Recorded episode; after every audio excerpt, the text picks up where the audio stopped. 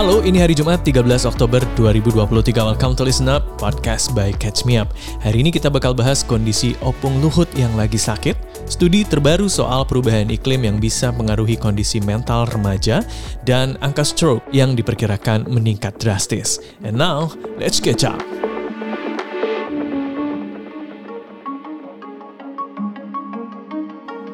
Buat kamu yang ngerasa overwork, uh, punya banyak banget list to do, ngerjain ini itu nggak kelar-kelar sampai akhirnya ngerasain sakit.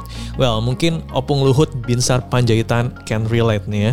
Soalnya beberapa hari ini Menteri Koordinator Kemaritiman dan Investasi EKM Menko Marves kita ini dikabarkan lagi sakit guys. Sakitnya Opung Luhut juga sampai membawanya melakukan pemeriksaan medis di Singapura. Kira-kira kondisinya Opung Luhut nih gimana nih? Well, sebelum sampai situ kita perlu setuju dulu nih bahwa Opung Luhut ini salah satu menteri yang punya banyak banget penugasan lain dari Presiden Jokowi. Ya bisa dibilang kalau Opung Luhut ini salah satu orang kepercayaannya Pak Jokowi gitu. Soalnya selain jadi Menko Marves, Opung Luhut juga banyak banget side job dari Presiden seperti Ketua Tim Nasional Peningkatan Penggunaan Produk Dalam Negeri, Ketua Dewan Pengarah Penyelamatan 15 Danau Prioritas Nasional, Ketua Komite Kereta Cepat Jakarta Bandung, dan masih banyak lagi. Tapi sayangnya Selasa kemarin Opung Luhut itu curhat gitu guys lewat Instagram pribadinya. Beliau cerita kalau beberapa hari yang lalu setelah ikut dalam sebuah kegiatan, Opung Luhut merasa kelelahan banget. Beliau ini bilang rasa capek yang dialaminya tuh beda banget dari biasanya.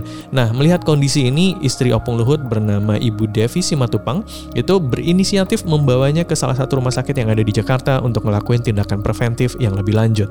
Nah, dengan kondisinya itu, Opung Luhut tentu saja nggak diizinkan tim dokter untuk beraktivitas seperti biasanya. Opung Luhut juga curhat tuh kalau buat ngecek kabar berita terkini aja nggak dibolehin sama istrinya. Padahal Opung Luhut bilang kalau ngecekin berita itu udah jadi kebiasaannya sehari-hari. Tapi ya meskipun begitu, Opung Luhut tetap milih nurut sama anjuran dokter dan istrinya untuk istirahat dulu. Well, dalam keterangan tertulisnya di Instagram kemarin, Opung Luhut nggak bilang apa-apa soal penyakit yang dideritanya. Opung Luhut cuma bilang kalau dirinya dapat tawaran dari senior minister Theo Chi Hean dan Menteri Luar Negeri Singapura Dr. Vivian Balakrishnan untuk menjalani pemulihan di Singapura. Tapi Menteri Parekraf Sandiaga Uno udah kasih spill soal kondisi Opung Luhut ini. In his word, Mas Sandi bilangnya begini. Kelelahan, kelelahan.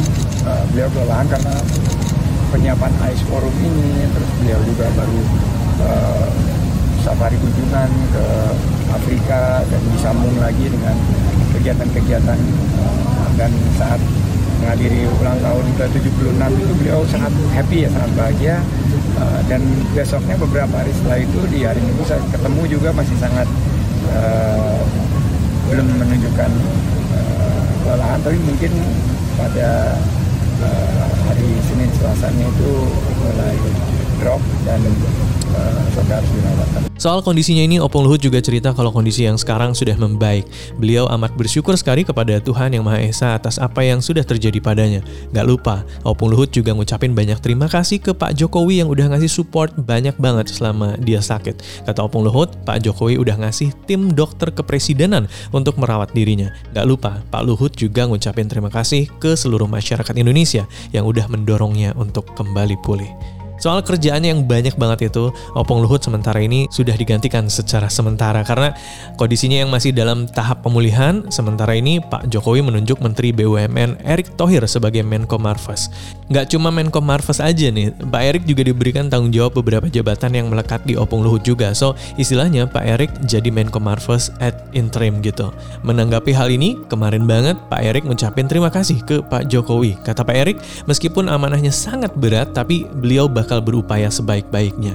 FYI, Opung Luhut itu baru aja ngerayain ultahnya yang ke-76 di akhir bulan September kemarin. Setelah ngerayain ultahnya, Opung Luhut juga sebenarnya masih kerja normal seperti biasa. Opung Luhut masih ikut Pak Jokowi dalam meresmikan kereta cepat Wus di stasiun kereta cepat Halim pada awal bulan ini. Pokoknya get well soon ya, Opung. Oke, kita ke berita yang selanjutnya. As we all know, climate change itu benar-benar uh, kejadian di seluruh dunia.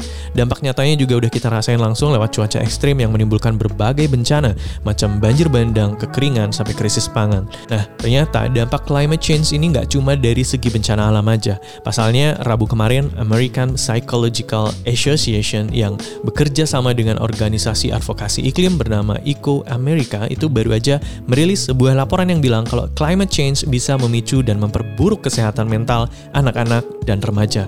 Misalnya, cuaca yang lagi panas banget belakangan ini, atau rumah kamu yang biasanya nggak banjir tapi sekarang jadi kebanjiran, semua itu menyebabkan stres yang tentunya bisa ngaruh sama kondisi mental kamu. Lebih jauh, pada laporan ini juga ditemukan bahwa berbagai masalah iklim yang berkepanjangan itu bisa banget ningkatin resiko kecemasan, depresi, gangguan bipolar, sampai gangguan kognitif lainnya. Hasil penelitian ini didapatkan setelah melakukan perangkuman pada serangkaian eksperimen yang berkaitan dengan perubahan iklim, kesehatan mental, dan pengembangan generasi muda. Well, penulis laporan ini yang juga merupakan profesor psikologi di College of Worcester bernama Sue Clayton belum lama ini mengatakan kalau generasi muda cenderung nggak punya strategi penanggulangan kesehatan mental seperti yang kebanyakan orang dewasa miliki.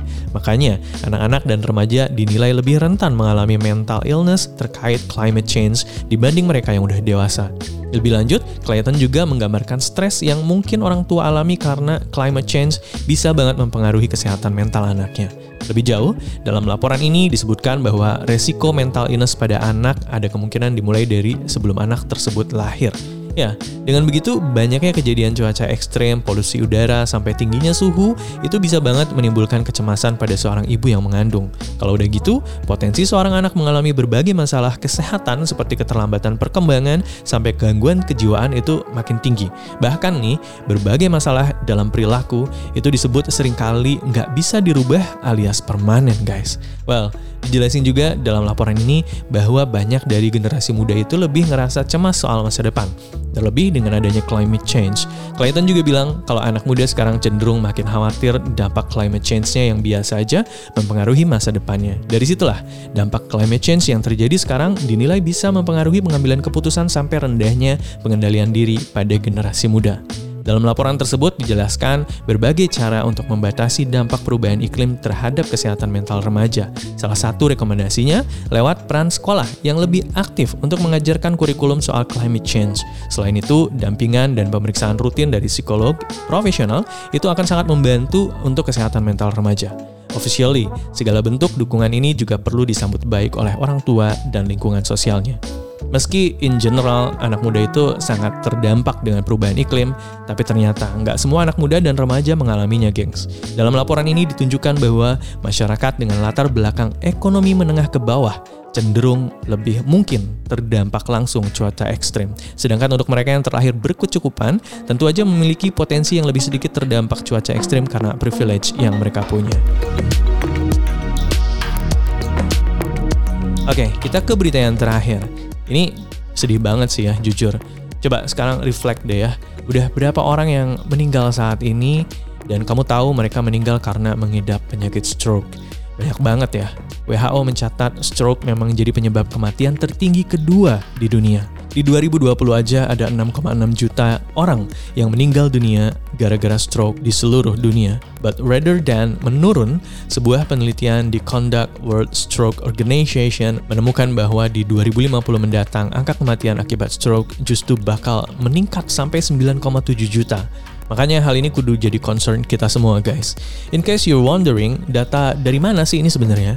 Here you got the answer. Jadi para peneliti itu udah melakukan penelitian dengan nge-interview sejumlah stroke expert di berbagai negara, mulai dari negara berpenghasilan tinggi, menengah sampai rendah. Hasilnya ada beberapa hambatan yang negara-negara ini temukan when it comes to penanganan stroke mulai dari tenaga kesehatannya yang terbatas misalnya, sampai kualitas penanganan kesehatan di negara itu. Ya, we're talking about kualitas pengawasan, pencegahan, perawatan, dan rehabilitasi stroke yang belum proper. Not to mention masyarakat yang belum aware sama bahaya stroke dan faktor resikonya. Kayak diabetes, kolesterol tinggi, obesitas, pola makan amburadul, sampai keseringan nyebat alias ngerokok. Makanya dari sini jelas ya, apa yang harus dilakukan? Ya, jaga kesehatan guys. Jaga pola makan, mulai makanan sehat, mulai olahraga, berhenti merokok. Biar organ-organ tubuh kita kayak lambung, paru-paru, hati, dan jantung itu tetap kejaga. Dan endingnya terhindar dari stroke. Oke, itu dia untuk listen up episode kali ini. Sampai ketemu lagi di episode selanjutnya. Happy weekend!